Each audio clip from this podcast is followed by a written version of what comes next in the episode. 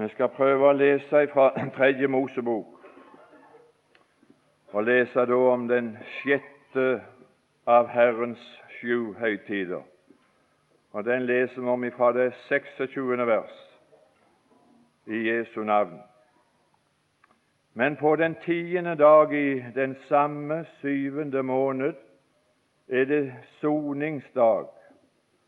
Da skal dere holde en hellig sammenkomst og dere skal faste og ofre ildoffer for Herren. Den dag skal dere ikke gjøre noe arbeid, for det er soningsdag. Da skal det gjøres soning for eder for Herrens, eder Guds åsyn. For enhver som ikke faster den dag, skal utryddes av sitt folk. Og enhver som gjør noe arbeid den dag, han skal utryddes av sitt folk. Intet arbeid må dere gjøre den dag. Det skal være en evig lov for eder fra slekt til slekt hvor dere så bor. En høyhellig sabbat skal den være for eder. Og dere skal faste på den niende dag i måneden om aftenen fra den aften til den neste skal I holde eders sabbatshvile. Amen. Herre Jesus, vi ber i ditt dyrebare navn om velsignelse uforskyldt også ved vår sammenkomst her og nå. Og jeg vil spesielt be om en ekstra velsignelse med et lys over denne dyrebare høytid, samlingsdagen etter bortrykkelsen. Jeg vil få lov å be i ditt dyrebare navn om det. Amen.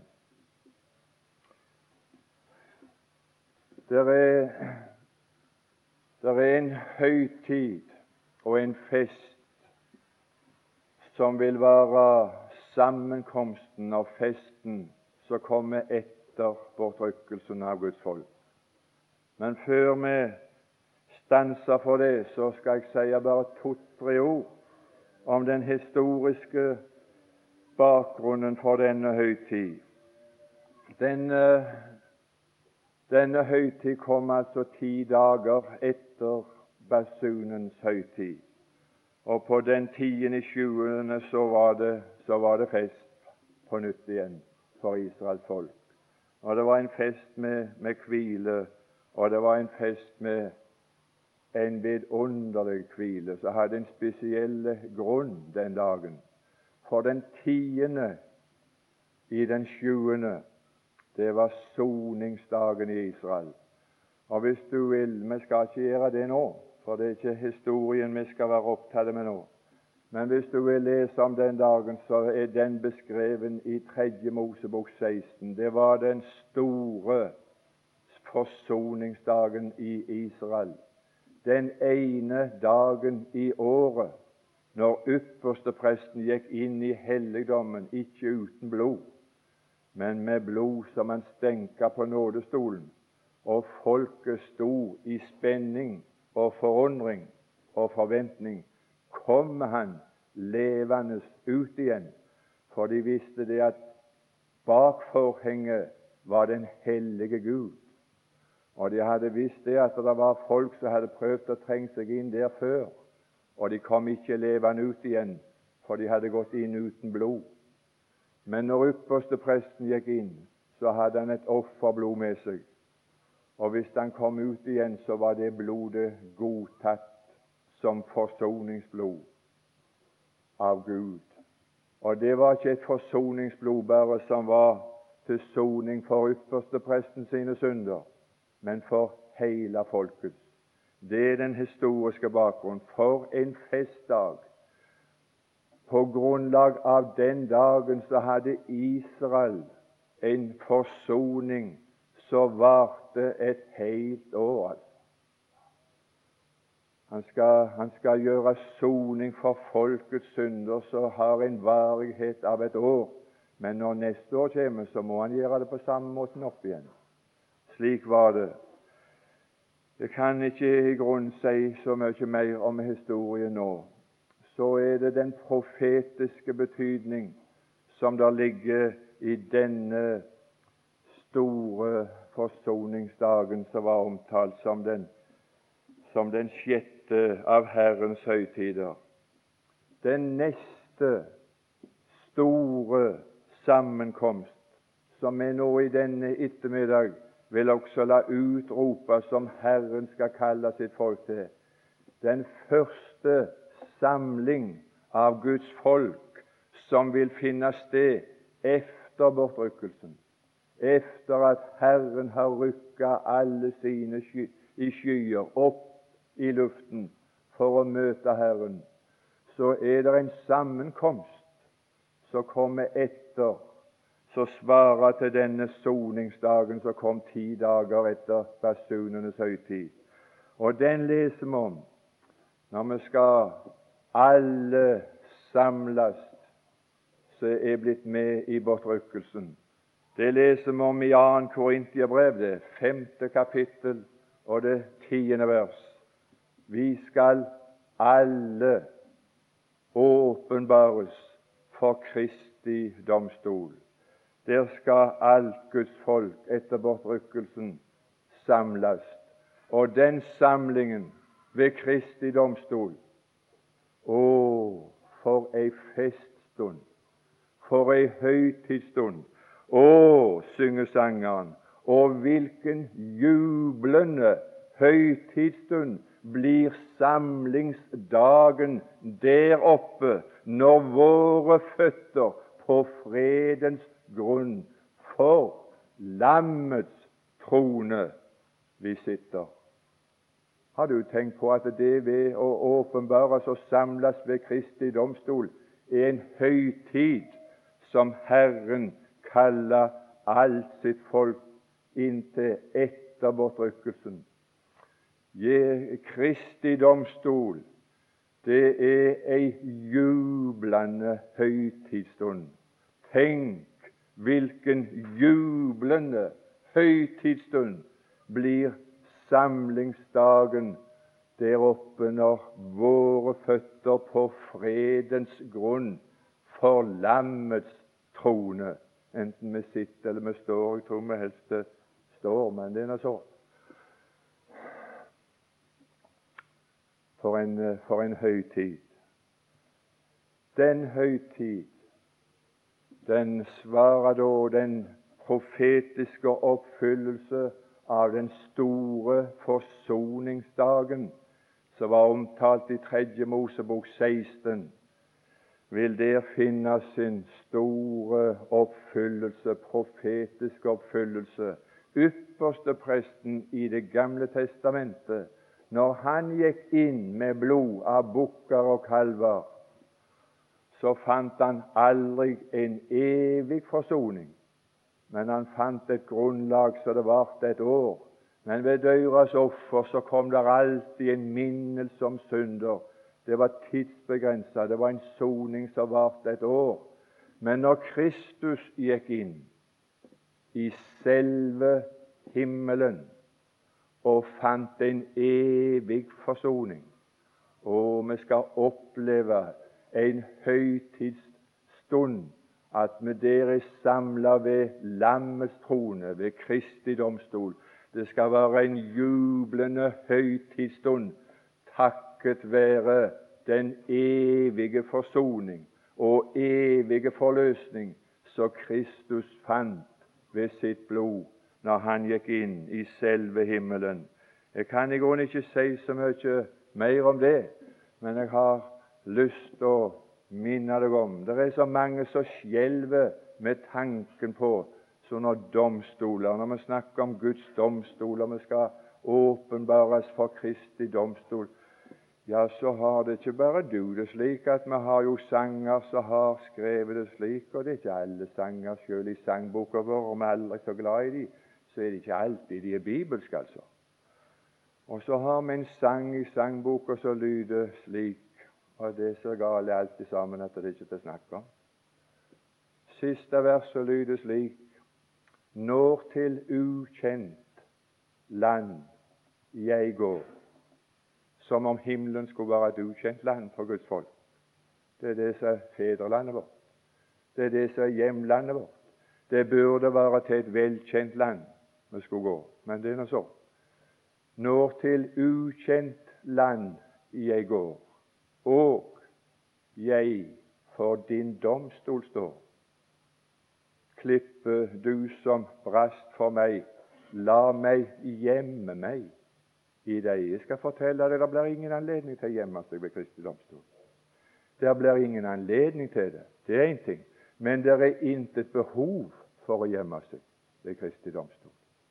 For ved Kristi domstol skal ingen gjemmes, men der skal alle åpenbares.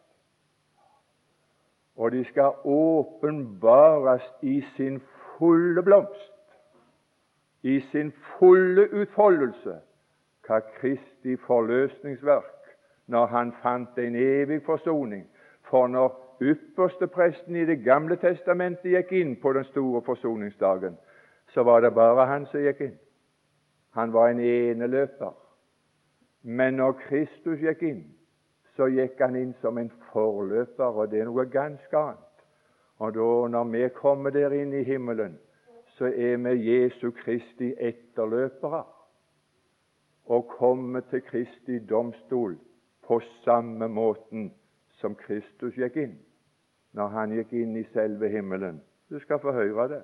Første Johannes brev, det tredje kapittel og det andre vers. Å, men dette skal bli en jublende høytidsstund når vi står der for lammets trone ved Kristi domstol. Ja, det skal bli høytid, og det skal bli en fest. Da skal vi åpenbares der, slik som Johannes sier i sitt første brev, tredje kapittel og det andre vers. Det skal være en annen fest enn den festen som han har kalt oss til her.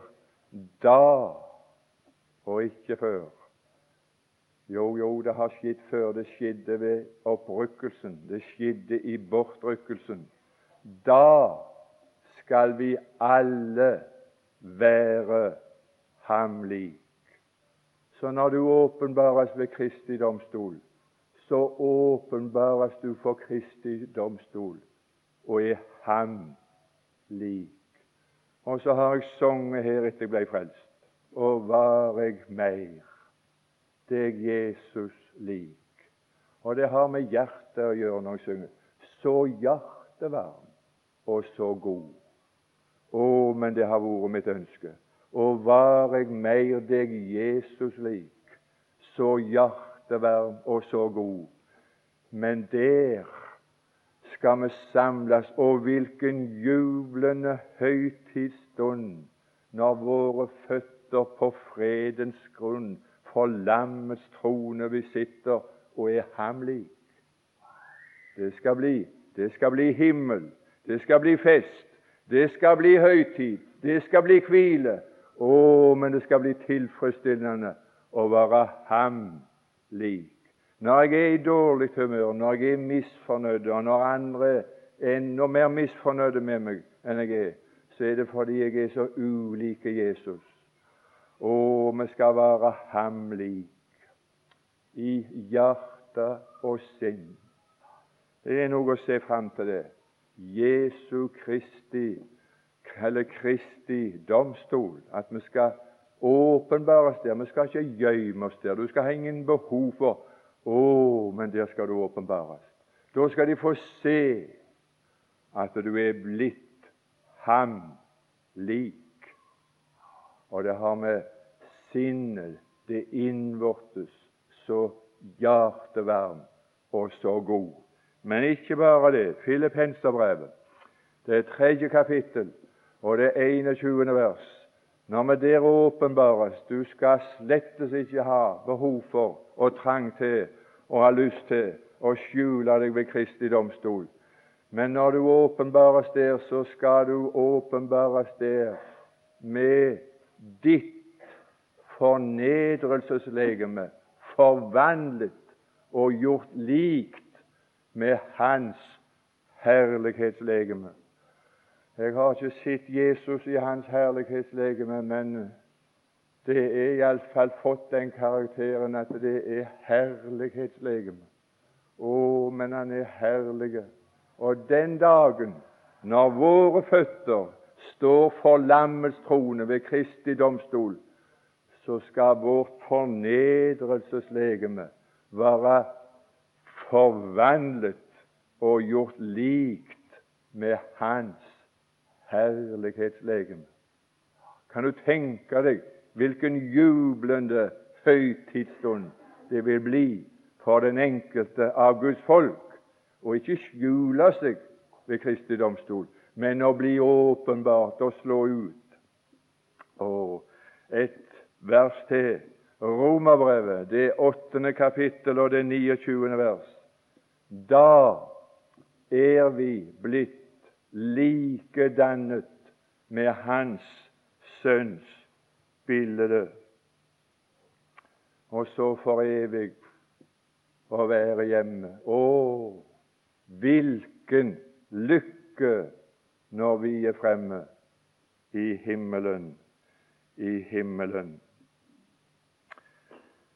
Den åndelige betydning altså av det skal jeg ikke Det blir ikke så mye, men jeg hadde har gjort et lite utvalg i, i håp om det kunne være til gagn for noen, og at det kunne være til mat for noen, til nytte, og at det kunne være til opplysning av en slik karakter at det kunne, at det kunne få en kraft i vårt liv til å få utretta noe av det vi ikke har utrettet kanskje til i dag. Åndelig. Det var på den tiende dag. Det var på den tiende dag etter basunenes høytid.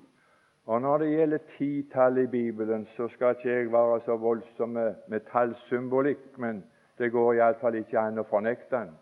Når det gjelder titallet, så står det iallfall for to ting i Bibelen, og det er ingen søkte forklaring.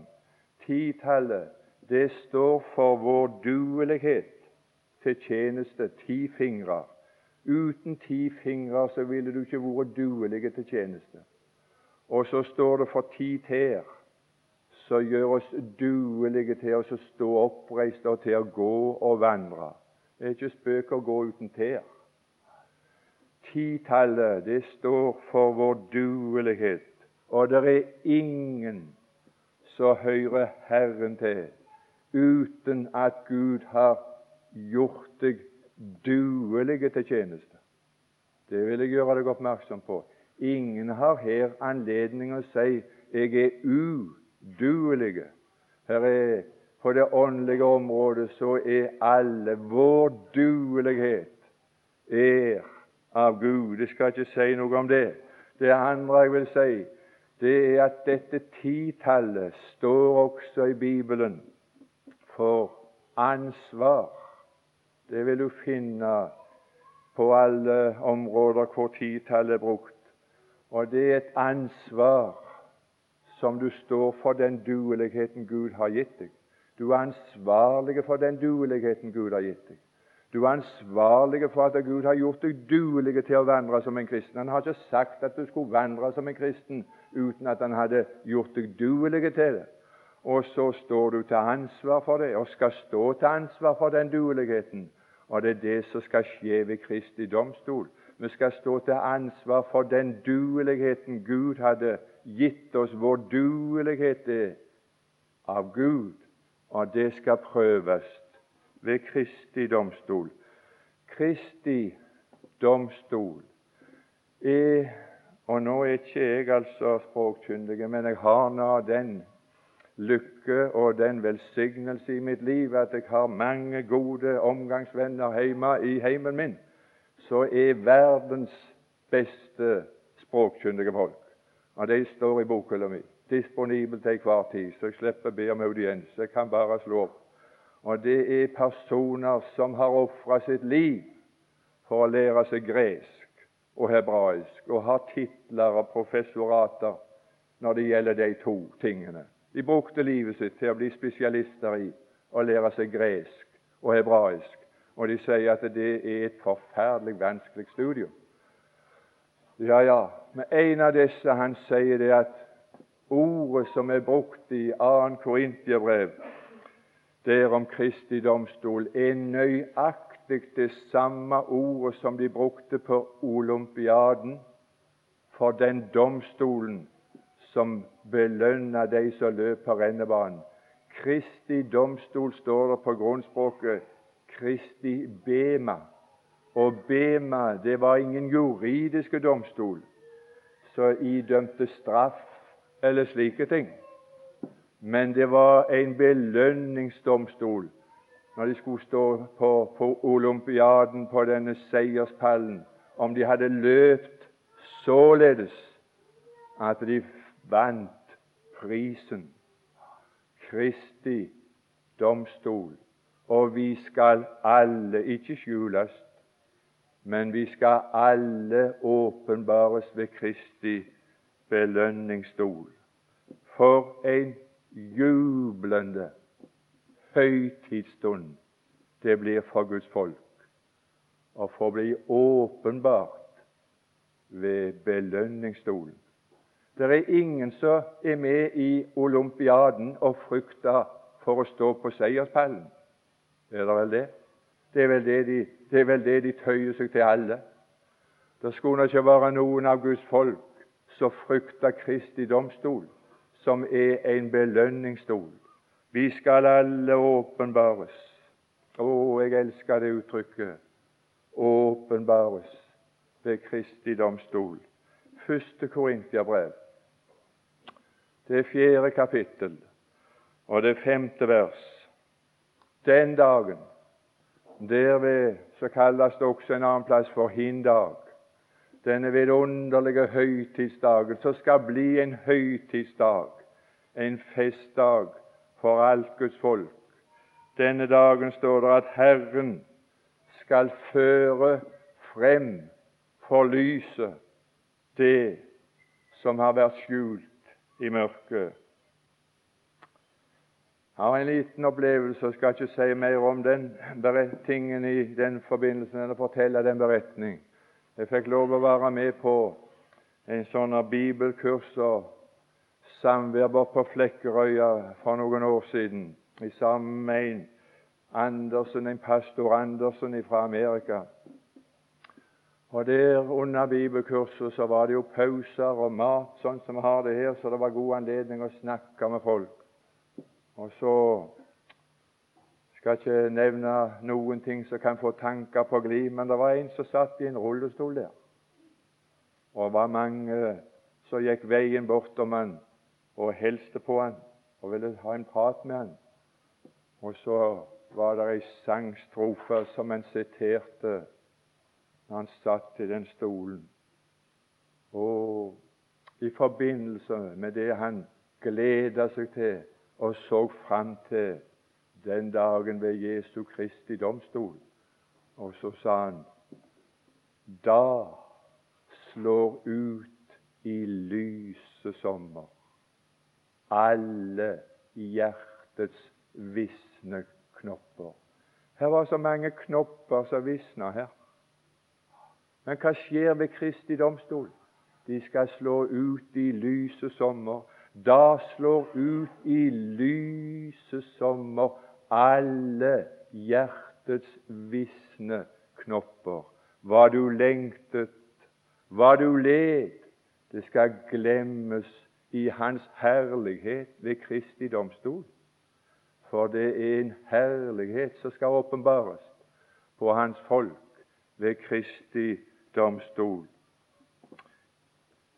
Da sier han i 2. Timotius brev, det fjerde kapittel og det åttende vers, 2. Timotius brev 4-8 kunne gjerne bare ta med der framforbi, så står det disse kjente, massevis siterte ord, at Paulus der sier framforbi at jeg har stridd den gode strid. Og du verden, altså. Hva tror du den gode strid består i? jeg må stride, gjerne lide for klenodiet. Tror du det var den striden han hadde stritt? At han hadde stritt seg fram gjennom livet, og så hadde han klart fullendt løpet. Jeg har ikke falt ifra. Jeg har stritt den gode strid, og så har jeg vunnet uten å falle ifra. Jeg har stritt den gode strid og fullendt løpet og bevart troen. Herlige land. Det var ikke det som var fare på for Paulus. Nei, den, sto, den gode strid, som han sa til Timotius, Timotius strid troens gode strid. Det er en strid som er god her i denne verden, og det er striden for evangeliet og for evangeliets utbredelse. Og så lenge Paulus levde, så strei han for evangeliet, for å ta vare på evangeliet, for alle sloss imot alle som ville hindre evangeliet og hindre evangeliets virksomhet. For det er bare ved evangeliet at mennesker kan bli frelst. Og så strei han den gode strid for evangeliet. Og så fullendte han sitt løp, det løp som Gud hadde gitt han i sitt liv. Han hadde ikke slutta i denne striden. Han slutta ikke midt i løpet med å ta vare på det, og så reiste han hjem. Han holdt på med å kjempe for evangeliets utbredelse så lenge han levde. Og så bevarte han hva for noe? Sin personlige tro på Gud. Og langt ifra. Han bevarte sannheten. Så lenge Paulus levde, så var sannheten en bevart i alle, hos alle hans tilhørere. Jeg har bevart troen. Så lenge han forkynte evangeliet, så var hele troen kjent. Har jeg fullendt løpet, så ligger da rettferdighetens krans rede for meg på hin dag. Å, det var Kristi domstol. Han fikk aldri rettferdig behandling for sin strid her i denne verden. Når han strider for å utbre evangeliet, så setter de han i fengsel. Og når han altså vitna og forkynte evangeliet, så tok de hudstrøkene og kastet han i det innerste fangerom. Og i stedet for å høre klagesang, så bare sang han en lovsang av glede og takknemlighet for at han fikk lide for Kristi navns skyld. For en strid! Og for en lidelse! Og han gav aldri opp. Han slutta aldri. Han ble en martyr. Så ligger da rettferdighetens krans rede for meg. Den som den rettferdige dommer skal gi meg på hin dag. Dog ikke meg alene, men alle dem som har elsket å bli skjulte ved Kristi domstol. Alle dem som har elsket Hans åpenbarelse når Han skal åpenbare oss og vårt liv og våre motiver og vårt liv og vår vandring, og når vi skal stå til ansvar for vår duelighet som kristne i denne verden. Ja, ja Den eh, ved Kristi domstol så står det i 2. Korintiabrev her, i det femte kapittel og det tiende vers, som vi leser ifra. Da skal enhver få igjen. Da skal enhver få igjen. Og det han skal få igjen, det er ikke det som Kristus har gjort. Det har han fått igjen da. Når han står ved Kristi domstol, så er han Kristus lik på grunn av forsoning. Og når du står ved Kristi domstol, så er du forvandlet og gjort ham lik. Så det slipper du å få. Og når du er der, så er du likedannet med Hans Sønns bilde. Men hva er det da du skal få? Da skal, du, da skal enhver få igjen det enhver har gjort. Der blir noe å få igjen. Det er heller ikke mye jeg skal si, for jeg er ikke i stand til å gi noen, noen tilfredsstillende utredning om noen av disse høytider, og slettes ikke om Kristi domstol. Men det var en beretning som Aurebekk fortalte, som har aldeles rissa seg inn i mitt sinn, om jeg aldri så glemme den. Og Denne beretningen var om denne her misjonæren som kom hjem på et fly til Amerika etter et langt, langt opphold på misjonsmarka. På det samme flyet som misjonæren kom hjem, så var det et fotballag fra Amerika som hadde vært på det samme kontinent og vunnet en seier.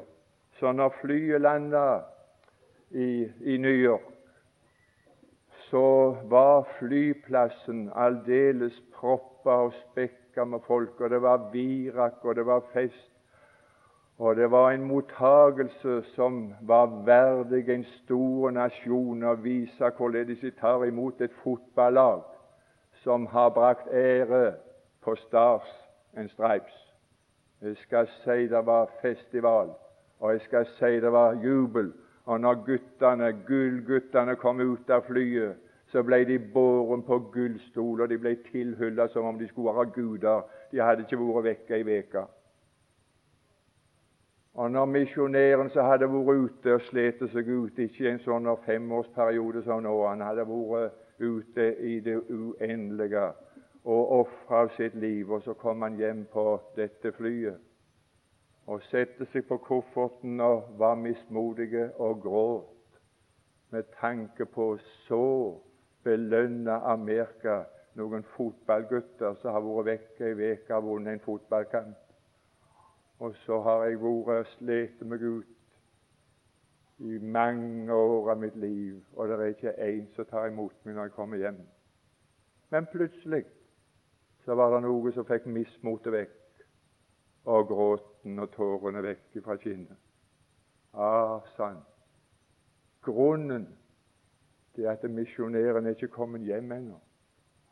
Disse fotballspillerne de er kommet hjem. De har fått sin belønning, for de er kommet hjem. Bare vent til misjonærene kommer hjem. Bare vent til hin dag når han skal belønne de som ofrer av sitt liv for å utbrede evangeliet, som, som, som stridde, og som stridde troens gode strid med å stride for at andre skulle bli frelst, for at andre skulle få høre, og fullendte løpet og bevarte sannhetene for disse mennesker som han nådde, forkynte evangeliet til frelse for hedninger. Bare vent til de kommer hjem. Å, da skal enhver få igjen det enhver har gjort. Det blir ei jublende høytidsstund for misjonærene å stå der. Men det blir ei jublende høytidsstund for alle som har vært med og gjort noe godt. For her sto det da skal enhver få igjen etter det han har gjort, enten godt Punktum. Kanskje var punktum mitt enten godt. Da hadde det vært Da skal enhver få igjen det gode han har gjort. Men det var enten godt eller vondt. Ja, hva er det det blir å få igjen ved Kristi domstol? I første Korintiabrev der er, der er forskjellige muligheter. Jeg skal bare lese det som har stoppet mitt sinn.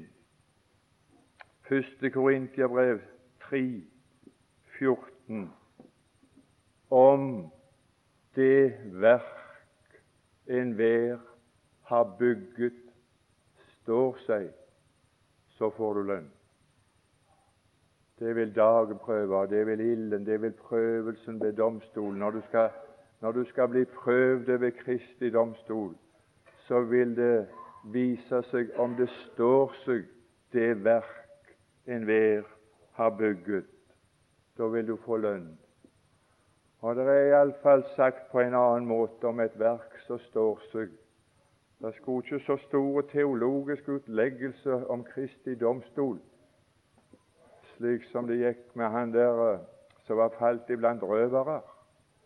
Men når den barmhjertige samaritan hadde funnet han, det var ingen som måtte gjøre oppmerksom på at det lå en. Samaritaneren så han, han var på reise, og så så han han uten at noen gjorde oppmerksom på. Og når han så han, så gikk han av seg sjøl bort og helte olje og vin i sårene hans.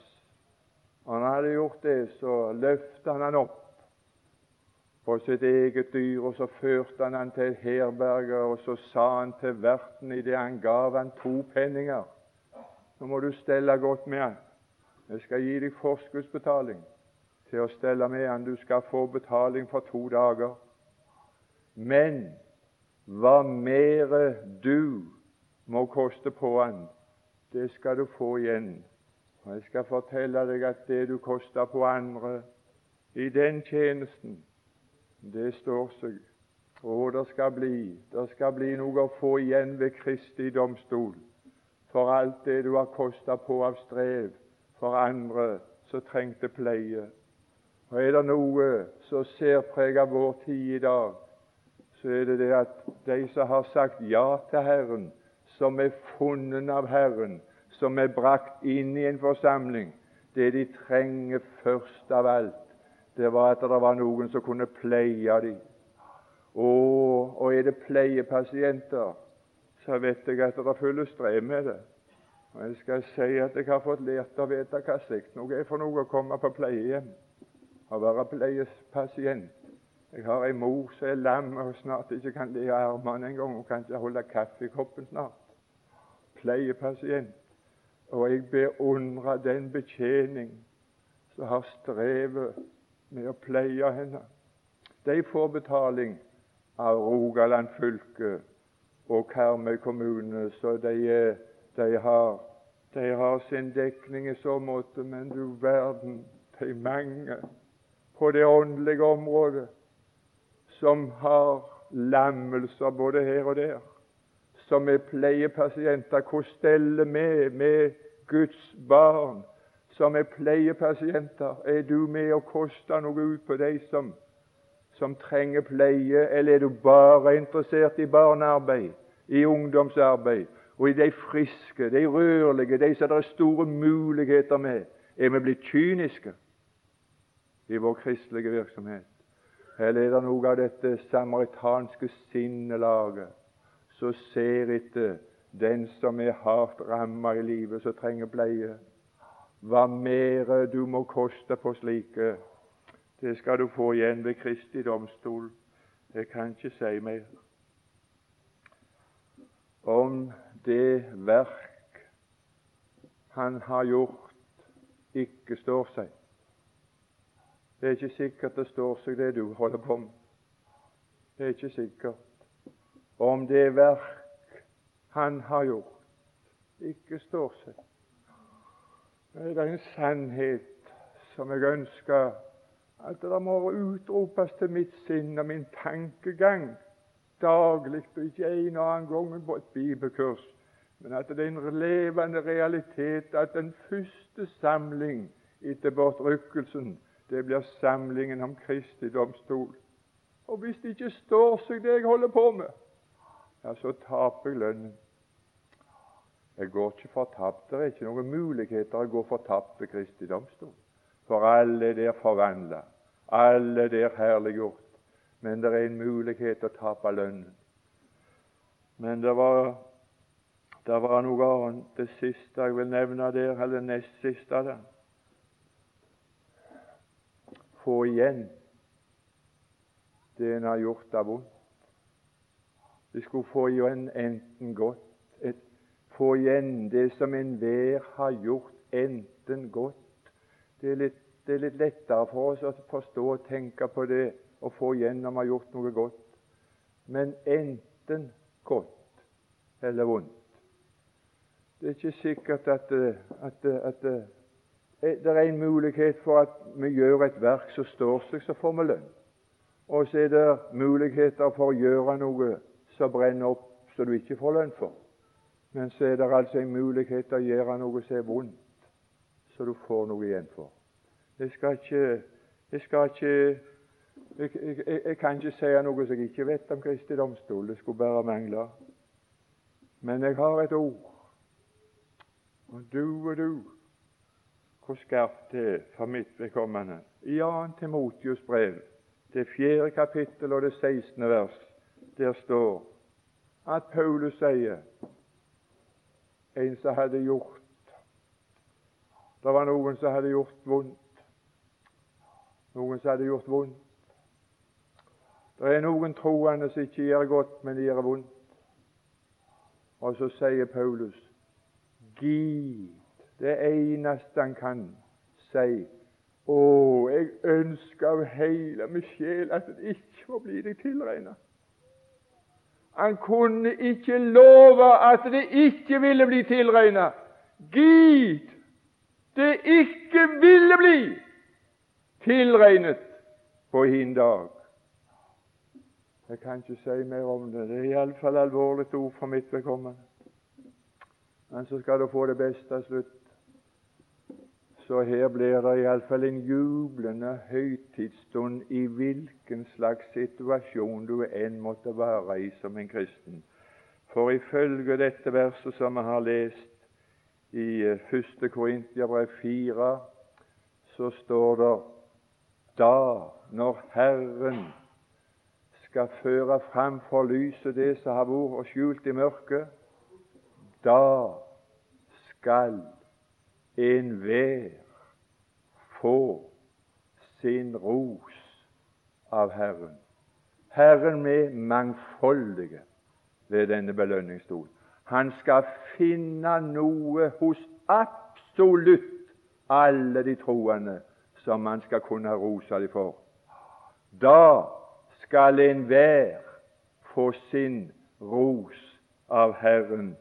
Og det ser ut for meg at motivet teller mer enn handlingen. Bare et vers, og så har jeg ikke mer. Matteus 10, 41. Der ser du litt av den måten som belønningen ved Kristi domstol vil foregå etter.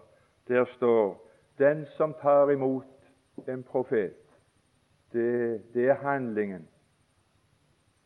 Den som tar en, imot en profet, det er en handling som jeg og du kan se. Men så er det noe som jeg og du ikke kan se, og som ikke vil bli åpenbart før ved Kristi domstol. Den som tar imot en profet fordi Det er motivet. Fordi han er en profet. Hvordan vil det gå med han? Han skal få en profets lønn. Det blir en forunderlig lønningsdag ved Kristi domstol, og derfor har ikke jeg vet på det. Jeg har ikke, har ikke greie på det i det hele tatt. Så det som jeg har sagt, og det som jeg har gjort nå i denne stund, det var bare å gjøre oppmerksom på noen skriftsteder i forbindelse med det. Og så har jeg gjort oppmerksom på at for alle Guds folk så blir det en jublende høytidsstund dagen når vi står ved Kristi domstol. Og ingen skal stå til skamme. Enhver skal få sin ros av Herren. Da kan du òg glede deg. Å, tenk deg en sånn høytid som Herren kaller alle sine, så alle skal få nyte når vi kommer igjen. Vi takker deg, dyrebare Frelser, for, for, for ditt sannhetsord, og for den sødmen, og for den gleden, og for den trøsten, og for den freden som det bringer inn i våre hjerter. Vi ber om la det få lov å, La det få lov å utrette det som det nevner i den enkelte sitt hjerte og liv. Amen. Oh,